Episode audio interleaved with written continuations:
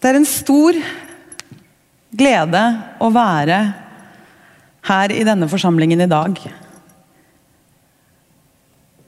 Kultur, altså, Jakob kirke har alltid hatt en spesiell plass i min bevissthet.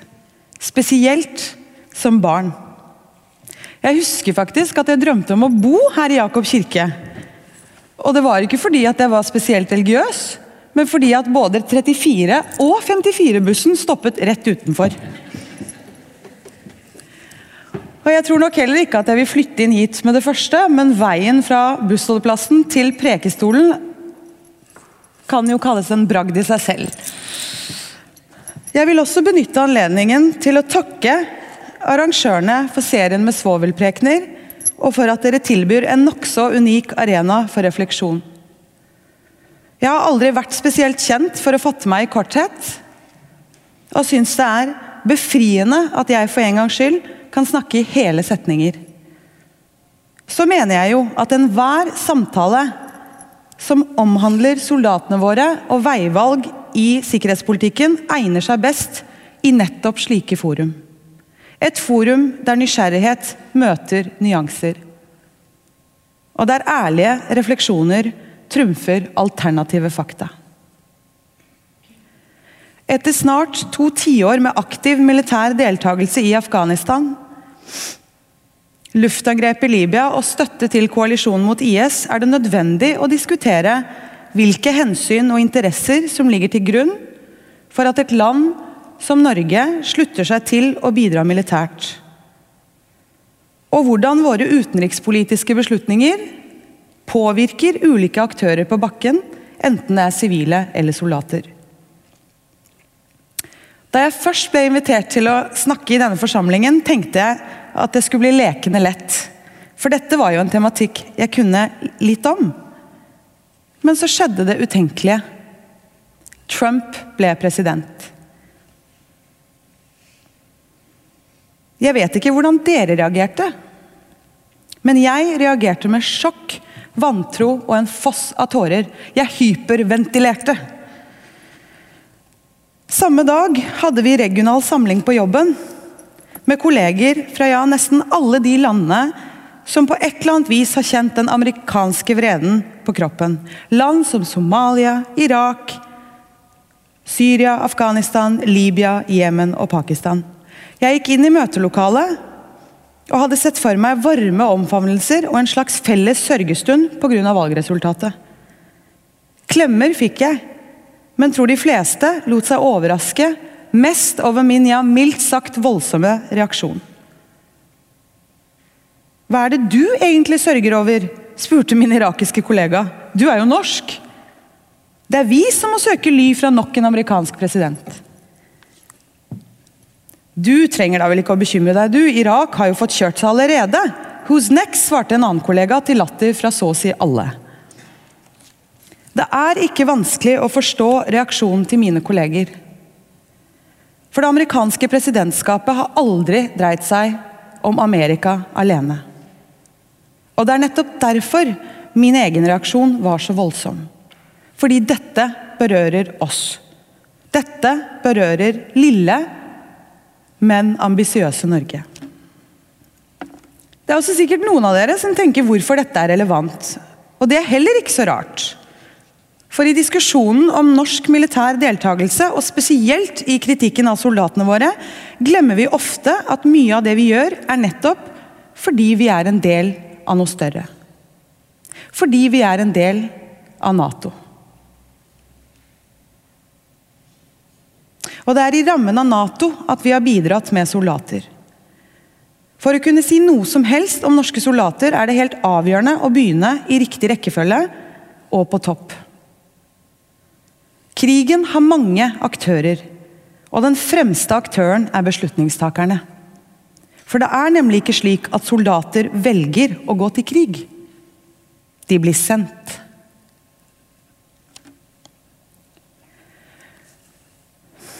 Etter at regjeringens Afghanistan-utvalg la frem sin rapport sist sommer, er det liten tvil om hvilke interesser som lå til grunn for vårt militære bidrag i Afghanistan. Utredningen konkluderer med at det eneste delmålet vi med rimelighet kan sies å ha oppfylt, er målet om å være en god alliert. Hva betyr dette helt konkret? Jo, da vi gikk til krig i Afghanistan, var det ikke fordi vi som nasjon ble angrepet. Det var ikke et angrep på vår suverenitet. Eller at våre politikere plutselig fikk det for seg at afghanske jenter måtte få gå på skole. Det var først og fremst angrepet på tvillingtårnet 11.9 som utløste en felles militær respons. Det var da Natos artikkel 5 trådte i kraft, og vi stilte med både mannskap og midler for vår gode venn og alliert USA. Vi handlet av forpliktelse, men først og fremst i solidaritet med en av våre viktigste allierte. I enhver diskusjon om Forsvaret og utformingen av norsk sikkerhetspolitikk er det sjelden vi diskuterer hvem vi står sammen med. Fokuset blir som regel på hvem vi kjemper mot. Den norske alliansepolitikken og ønsket om å stå side om side med likesinnede allierte ligger fast, og er på mange måter det mest stabile elementet i norsk forsvarspolitikk. Nettopp derfor er det uhyre viktig at enhver diskusjon om vår deltakelse sivilt og militært skjer med dette som bakteppe. Men altfor ofte snakker vi heller om hvorvidt soldatene har forbedret eller forverret situasjonen i de landene de reiser til for å løse oppdrag på våre vegne. Jeg har i snart ti år jobbet direkte eller indirekte med tematikk som omhandler Norges rolle i verden, og da spesielt vår militære deltakelse. Og det eneste jeg kan si med trygghet, er at det finnes like mange realiteter som det finnes aktører. Min første tur til Kabul var under Taliban-regimet. Selv om dørene var åpne, var landet lukket. Porten og inngangen til verden, til nye impulser, inntrykk og kunnskap var stengt. Jeg husker også mitt første bomberegn. I Kabul på den samme turen. Nyttårsaften i juni, tenkte jeg da, mens alle rundt meg virket upåvirket. Bomber og skudd hadde blitt en del av afghanernes DNA. En måte å forstå seg selv på. Ikke bare når verden kjempet mot dem, men også når de kjempet mot hverandre. Under Taliban følte mange seg i hvert fall tryggere enn på lenge. La meg minne om at dette likevel var en fysisk trygghet. Lov og orden for afghanerne, men som for oss fremsto mer som en moralpolitireform. Folk flest så ut til å være til å leve videre, selv under de vanskeligste forhold, humanitært og politisk. Så ble USA angrepet 11.9. Tvillingtårnet raste i New York, og 7.10 raste bombene igjen over Afghanistan. Bush erklærte krig mot et folk som allerede var i nød. Jeg kjente på et vanvittig sinne jeg så for meg amerikanske soldater som sparket seg inn i afghanske hjem forbi hylende kvinner og barn på jakt etter en enøyd mann og hans husvarme gjest fra Saudi-Arabia. Selv sparket jeg inn åpne dører rett nede i gaten og kom meg ikke lenger enn til Youngstorget med min krigsmotstand. Jeg snakket engasjert ut om krigen jeg anså som urettferdig og brutal. Den var så brutal at jeg så meg nødt til å melde meg inn i RV. Samme året som Nato for fullt gikk inn i Afghanistan, var jeg på en ny familiereise til Kabul. Noen år før hadde jeg forlatt et land som var lukket. Jeg forlot et land der besittelse av fjernsynsapparat og kassettspillere kunne føre til piskeslag. Jeg forlot et land der storesøsteren min, som på det tidspunktet studerte journalistikk i Volda, kjempet like hardt mot pollenallergi som hun gjorde mot burkaallergi. Jeg glemmer aldri synet av Pashtana, som med burka og blodrøde øyne forsøkte å filme fra bilen med sitt litt vel store Cannon videokamera. Det var ikke noe GoPro på den tiden. Litt upraktisk, litt farlig, men for en nysgjerrig og ambisiøs journaliststudent var de midt i blinken å filme. Filme en virkelighet som var så fjern fra alt vi kjente. Da vi landet i Kabul noen år senere, var det som vi kom til et annet land. Journaliststudenten Pashtana hadde fått konkurranse. Etter Talibans fall ble afghanske storbyer en lekegrind for både uerfarne og erfarne journalister. Hele verden kunne plutselig se rett inn i Afghanistan. Og etter hvert kunne afghanerne også se inn i verden.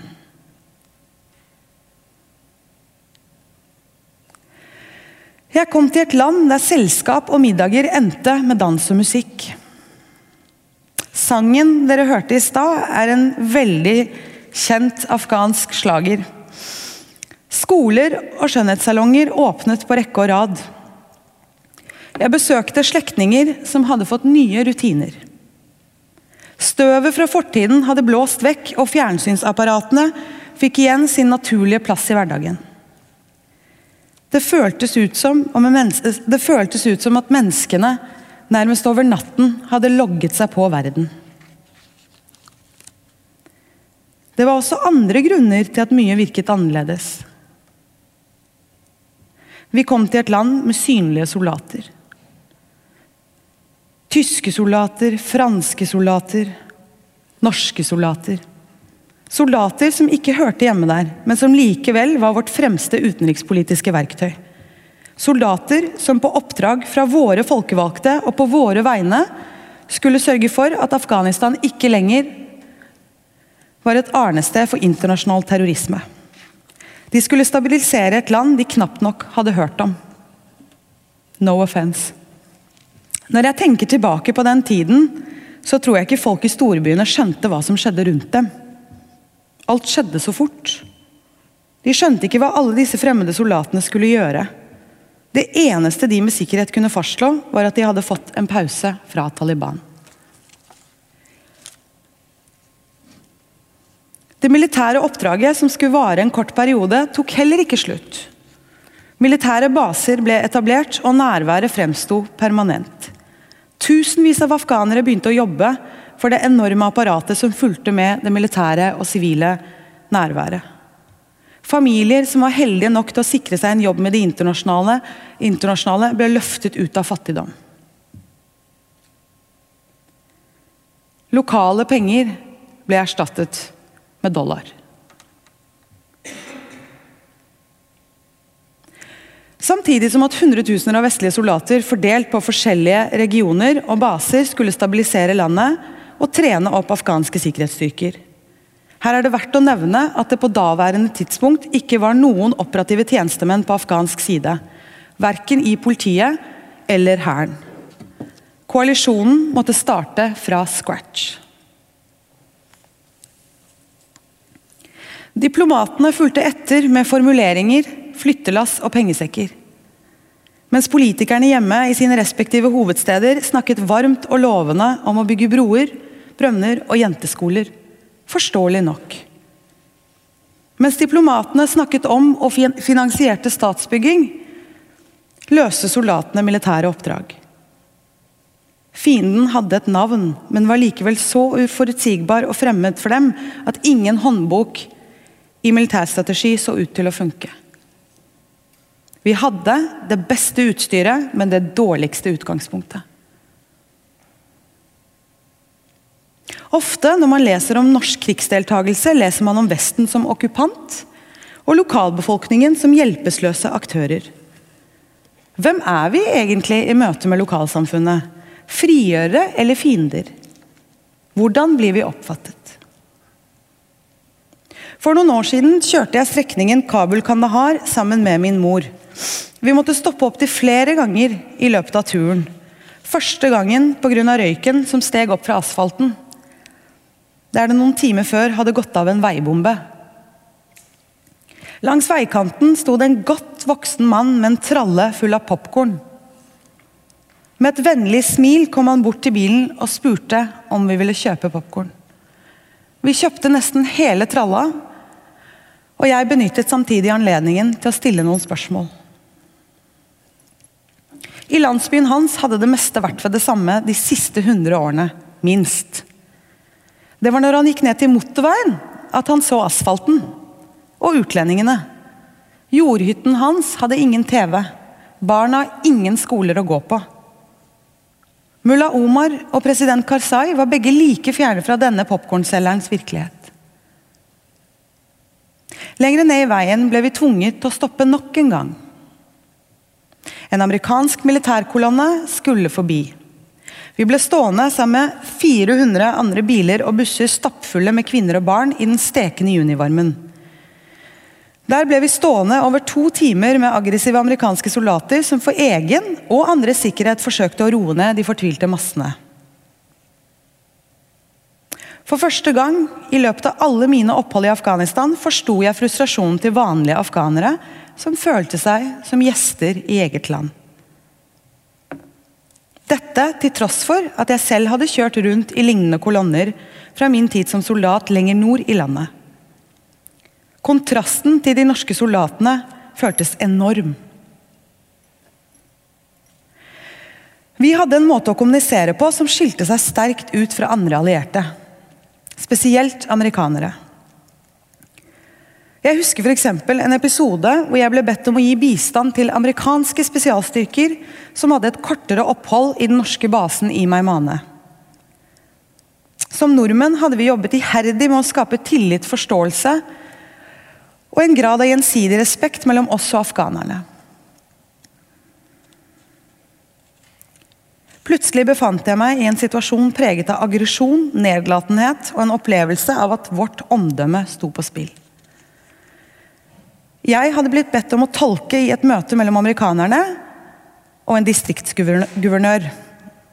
Denne guvernøren styrte et av de farligste distriktene i vårt ansvarsområde, og det vi for lengst hadde skjønt, var at denne mannen, enten vi likte han, enten vi likte han eller ikke, skulle spilles på lag med.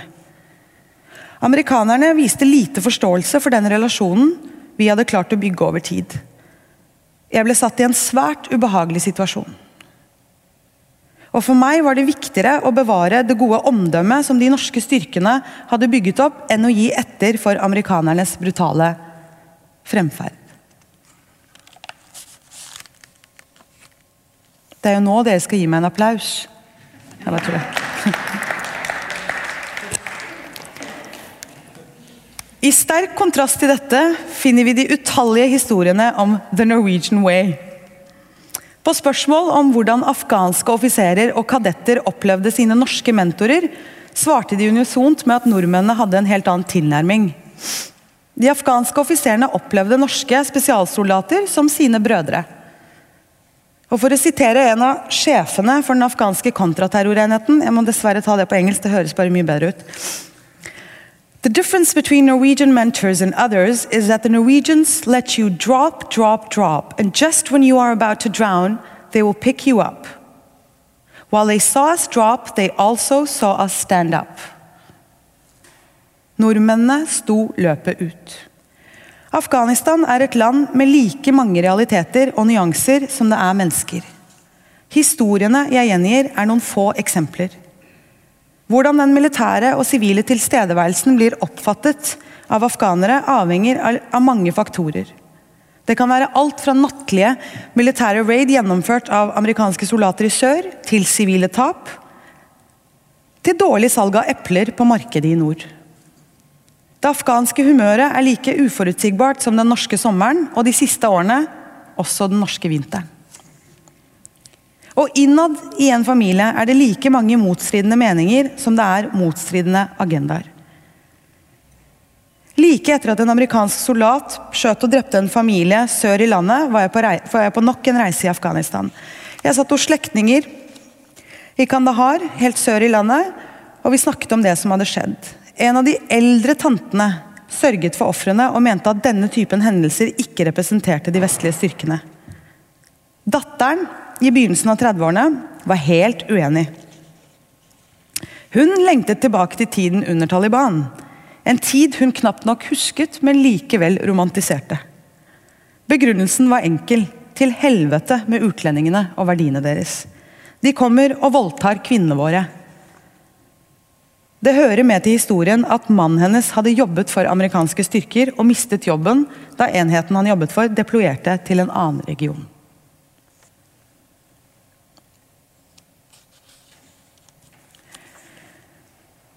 Jeg har ingen interesse av å skjønnmale vår militære innsats. Men det finnes konkrete eksempler på at den innsatsen norske soldater har gjort, har vært verdsatt. Det er liten tvil, at, uh, det er liten tvil om at vi ikke har oppnådd alle målene vi satte oss.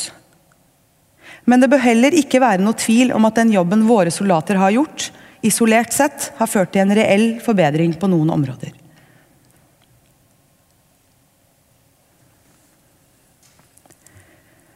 Det er alltid krevende å formidle en virkelighet uten at man har samme situasjonsforståelse og ikke minst begrepsforståelse. I tiden under og etter at jeg tjenestegjorde i Afghanistan, har jeg opplevd norske medsoldater som trygge på egen rolle i en komplisert og mangefasettert konflikt. Mitt inntrykk nå som da var at de etter hvert som tiden gikk, og mange hadde vært ute opptil flere ganger, fikk en bedre forståelse av forholdene på bakken. Denne forståelsen bidro også til at de innså egne begrensninger. Jeg tror mange av våre soldater og veteraner har reagert på at de som ofte uttaler seg om konflikten, enten er politikere, akademikere eller journalister, ikke har den samme situasjonsforståelsen. At de som regel har hatt en emosjonell og geografisk avstand til det de omtaler. Et godt eksempel er jo den diskusjonen som oppsto for noen år siden om hvorvidt vi var i krig. For soldatene var det liten tvil om hvordan de opplevde oppdraget. For politikerne var begrepet så betent at man unngikk å bruke det. Jeg opplevde også en lignende debatt på afghansk side. For sivile i sør som bodde i utsatte områder med daglige kamphandlinger, var det liten tvil om at de levde i en krig. For andre afghanere som bodde i storbyene med en bombe i ny og ne, var forståelsen en helt annen. Snakker man med afghanere i dag, er de mer bekymret for en full tilbaketrekning av vestlige soldater enn de, enn de er for en langvarig, langvarig tilstedeværelse. 14 år med vestlig bistand på sivil og militær side har gjort at afghanerne nå er blitt avhengig av den støtten. De er bekymret for de tapte inntektskildene som følge av den enorme krigsøkonomien. Det er ikke vanskelig å regne seg frem til at Afghanistan ønsker en langvarig økonomisk forpliktelse fra det internasjonale samfunnet. Og uten soldater vil denne forpliktelsen og støtten fra det internasjonale samfunnet naturligvis reduseres.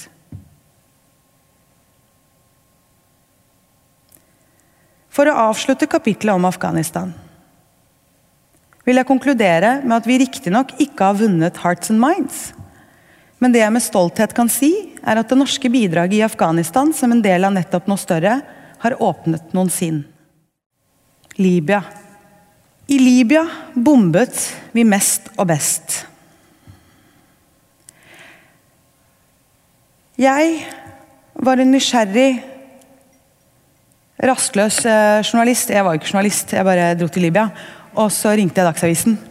Eh, og så Eller jeg ringte Jeg tror jeg ringte Gry, som sitter i salen her. Og så ringte Gry en eller annen i Dagsavisen, og plutselig så fikk jeg forsiden. Um, men ja, i Libya bombet vi mest og best. Jeg sto selv på torget i Benghazi og rapporterte hjem om den frykten libyerne følte i tiden før Natos intervensjon. Jeg skrev hjem om jenter og gutter, menn og kvinner som holdt store plakater med påskriften 'Merci Sarkozy'. Jeg møtte bl.a. Moatez, en ung tannlege som sto på torget og ropte slagord om et fritt Libya. Han var over seg av takknemlighet for bomberegnet som reddet tusenvis av libyere fra et mulig folkemord.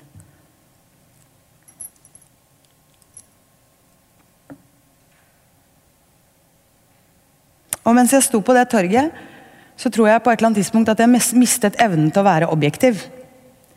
Jeg skulle rapportere om denne folkelige mobiliseringen, og så ser du mennesker som aldri har turt å si navnet til Gaddafi. Og Du står på det torget og føler deg litt sånn rar med den notatblokken, så jeg tenkte jeg ser jo libysk ut, så jeg kan jo bare late som at jeg er en av dem. Og, og det satte de veldig stor pris på, men i ettertid så har jeg spilt, stilt spørsmålstegn ved om, om det egentlig var så lurt. Ett år etter at støvet hadde lagt seg, begynte meldingene fra min tannlegevenn Moates å renne inn på Facebook. Dere har ødelagt landet vårt. Alt var bedre under Gaddafi.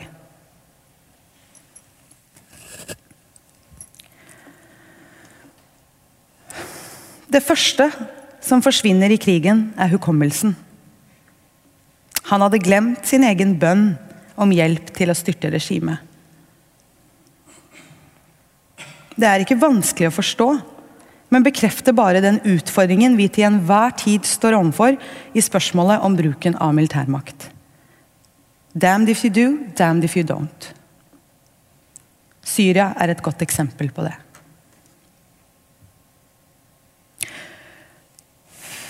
Noen år etter satt jeg på kafé med mannen til en venninne og snakket om mine opplevelser fra Libya.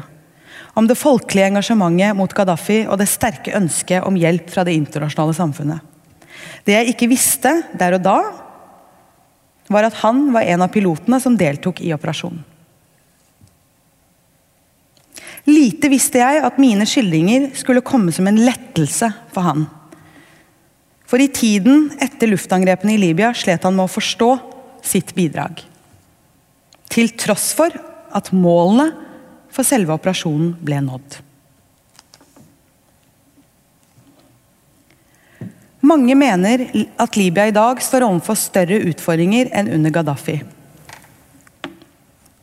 Og det er ikke feil.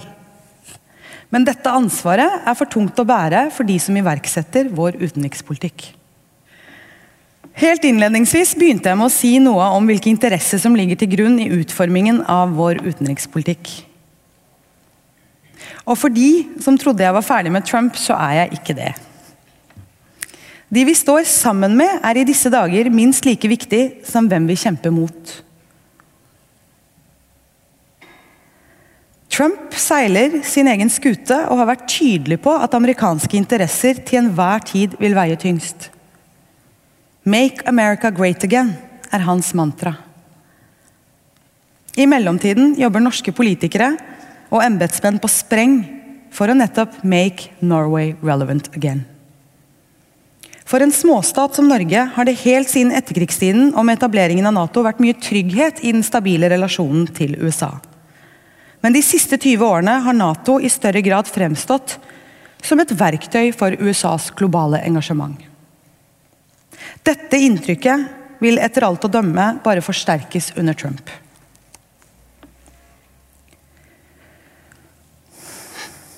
Spørsmålet vi bør stille i dag, og i møte med en mindre gjenkjennelig alliert Jeg prøver å være veldig diplomatisk.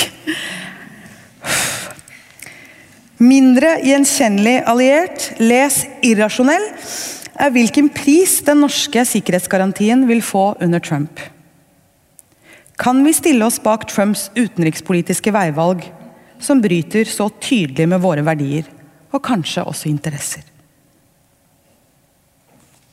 Er det noen som vil svare på det spørsmålet?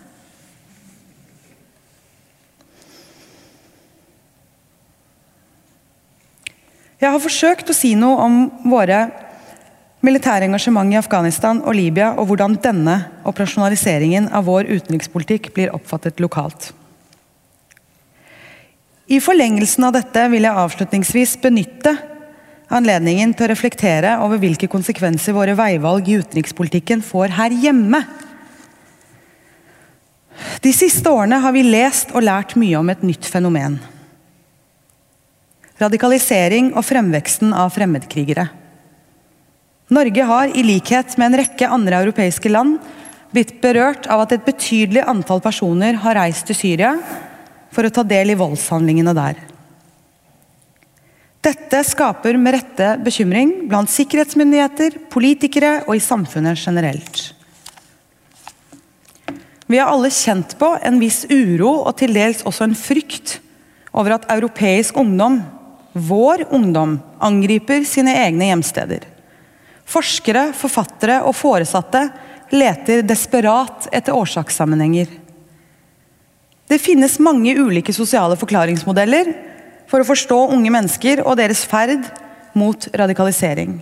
I denne konteksten blir det naturlig å fokusere på hvordan våre utenrikspolitiske valg og militære operasjoner preger unge mennesker her hjemme. Når man snakker med unge muslimer med norsk bakgrunn som har vært i Syria for å slåss, eller for den saks skyld gjør et dypdykk i retorikken til organisasjoner som Islam, Nett og Profetens Umma, finner man noen svar. Flere av medlemmene i disse organisasjonene har f.eks. markert sin fulle støtte til IS og Al Qaida. Og I etterkant av nærmest samtlige terrorangrep i Europa de siste årene, ser man at noen av de samme personene hyller angrepene på sosiale medier. Flere uttrykker sinne mot norsk og vestlig utenrikspolitikk overfor den muslimske verden. Spesielt Midtøsten. De beskriver en situasjon der Vesten er i krig mot islam. Der Vesten fører en militær og ideologisk krig mot muslimer. Jeg har selv vært ung, i hvert fall yngre, engasjert og veldig, veldig tydelig i mine antiamerikanske sentimenter. Da jeg demonstrerte mot USAs krigføring i Irak og Afghanistan, havnet jeg som sagt på Youngstorget. Jeg havnet ikke i grenseområdene mellom Afghanistan og Pakistan med håndvåpen og en drøm om å bygge min egen stat. Jeg har ofte tenkt på hva som gjør mitt engasjement så annerledes fra andre unge mennesker i dag som heller vil søke seg til IS sitt aspirantkurs fremfor UDs aspirantkurs. Hold dere fast. Redningen for meg og min idealisme ble ironisk nok Forsvaret. Og min tid som soldat i Afghanistan. Og Jeg kan heller ikke benekte at alle tvangssommerferier i Afghanistan med familien bidro til at jeg med egne øyne fikk se hva som utspilte seg på bakken. Jeg fikk oppleve okkupantene på kloss hold i Kabul. Jeg så med egne øyne hvordan lokalbefolkningen reagerte og responderte på vestlig nærvær. Da mitt ungdommelige engasjement var på sitt sterkeste, slapp jeg heldigvis å havne i et internettfellesskap ledet av ekstremister og salafister. Ekstremister som forsøker å benytte enhver anledning til å forsterke følelsen av utenforskap ved nettopp å invitere til opphetede diskusjoner om muslimenes lidelser og hvordan Vesten tar seg til rette i Midtøsten og muslimske land. På min egen Facebook-side har jeg en lengre periode observert at det finnes folk som deler feilaktig informasjon og konspirasjonsteorier om hva som skjer i alt fra Syria til Afghanistan. Det som skremmer meg, er at mange av disse teoriene ikke blir møtt med motargumenter. Mens argumentasjonen som brukes til å opp Oppildne disse ungdommene er grundig selektert. Helhetsperspektivet er som regel totalt fraværende. For å forstå hvorfor noen personer dras mot miljøer som støtter eller oppfordrer til bruken av vold, er det viktig å få innsikt i den virkelighetshorisonten disse miljøene eller personene handler innenfor. Jeg mener at litt av utfordringen vår er at vi ikke alltid snakker samme språk. Er du ung og desillusjonert, er det rent retorisk enklere å svelge konspirasjonsteorier om at USA og Nato vil utslette den muslimske befolkningen. Hvis det eneste du i tillegg hører fra eksperter og politikere, er sitater som at Nato er bærebjelken i norsk sikkerhetspolitikk, har vi et problem. Vi trenger politikere og akademikere som kan snakke om utenrikspolitikk på en forståelig måte. Ikke bare seg imellom, men også til en yngre og mer utsatt del av befolkningen. En del av befolkningen som blir bare mer og mer eksponert, og som er veldig, veldig nysgjerrig. Det vi foretar oss ute, og debatten rundt, begrenser seg ikke lenger til uenigheter mellom fredsforskere på PRIO og politisk ledelse i en Dagsnytt 18-sending.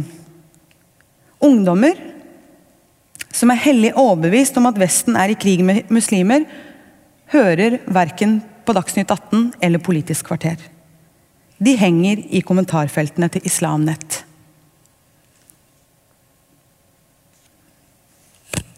Jeg gjør også det noen ganger, men det er bare for å observere. Vi har å gjøre med bevisste aktører som spiller på at det pågår en slags krig mellom Vesten og islam. Et inntrykk som langt på vei bekreftes av Trump. På denne måten fremmer de samtidig en rettferdig sak, hvor man aktivt kan stå imot det som oppleves som et fiendtlig og hyklersk vestlig samfunn. Det kjempes med andre ord flere kriger. Én på slagmarken og de andre i kommentarfelt og lukkede forum. Når våre militære avdelinger er ute på oppdrag, er vi opptatt av skreddersydde budskap rettet mot lokalbefolkningen. Vi er opptatt av å vinne hjerter og sinn. Hvilken strategi bruker vi i kampen for å vinne tilbake våre egne her hjemme? Bortsett fra handlingsplaner, da, selvfølgelig. I den offentlige debatten blir det ofte hevdet at utdanning og kunnskap kan forebygge radikalisering av ungdom. Uansett hvilken retning radikaliseringen tar. Mens religion får stadig større plass i den offentlige debatten, er det stadig flere som ikke ønsker Gud. Jeg mener at det aldri har vært viktigere å bringe Gud inn i skolen og andre arenaer der kunnskapsformidlingen står sentralt. For er det noe vi trenger, så er det trygge soner for kunnskapsformidling og en faktabasert, men forståelig argumentasjon. Skolen må være en arena for debatt, slik at kunnskapsformidlingen ikke overlates til kommentarfeltet. Vi trenger ikke religiøse lærere, men det vi trenger, er lærere med oppdatert kunnskap om religion. Vi trenger ikke mer gudstro, men vi må akseptere at folk tror på Gud. For det er jo ikke slik at Gud forsvinner bare vi ikke snakker om han.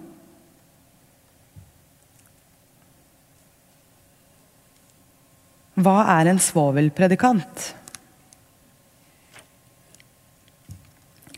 Svovelpredikant er et folkelig begrep på en kristen predikant som forsøker å skremme menigheten til omvendelse og frelse ved å true med evig tortur i helvete. Det er en velkjent samtaleform for meg. Men da jeg leste dette, så virket det egentlig mer som stillingsbeskrivelsen til min mor. For hun har nemlig truet med helvete til frokost, lunsj og middag. Hvis ikke vi gjorde som hun sa. Men siden verden nå uansett er i ferd med å gå under, er det på sin plass å heller be en stille bønn. Når verden raser rundt oss og destruktive krefter truer harmonien i våre samfunn, håper jeg at vi kan møte hverandre med toleranse, åpenhet og respekt. Selv når det er veldig, veldig vanskelig. Så, kjære Gud, minn oss på dette når hukommelsen svikter. Takk for meg.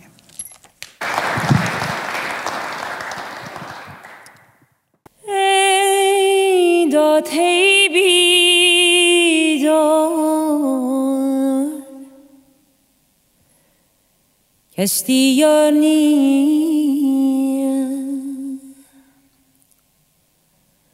Kas la dardikas Ogo dormir Ey dot hey bi dot لمگار شارم نه دنگی دوستی نه یار دیار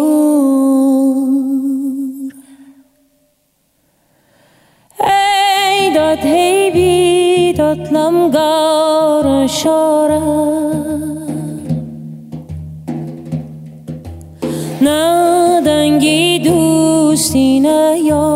دیارم aman hey aman aman hey aman aman hey aman چرخی چاوینت چرخی چاوینت سریان نیم شیوان. عزیزم سریان نیم شیوان.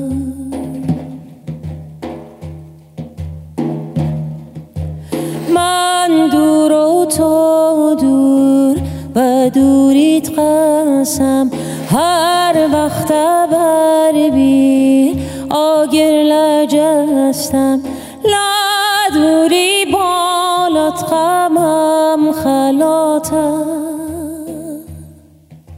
روحم کشیک چی داری بالاتم. aman hey aman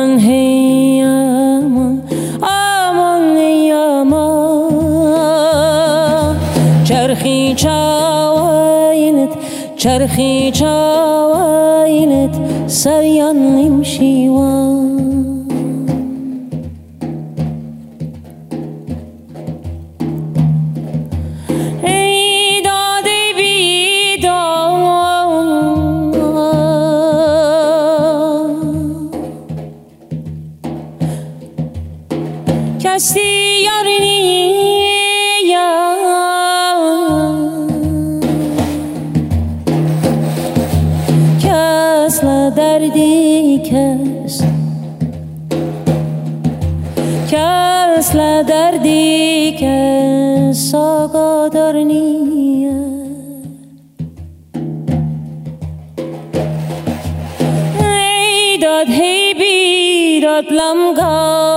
لمگار شارم نه دنگی دوستی نه یار دیارم ای داد هی بیداد لمگار شارم نه دنگی دوستی نه یار دیارم aman hey aman aman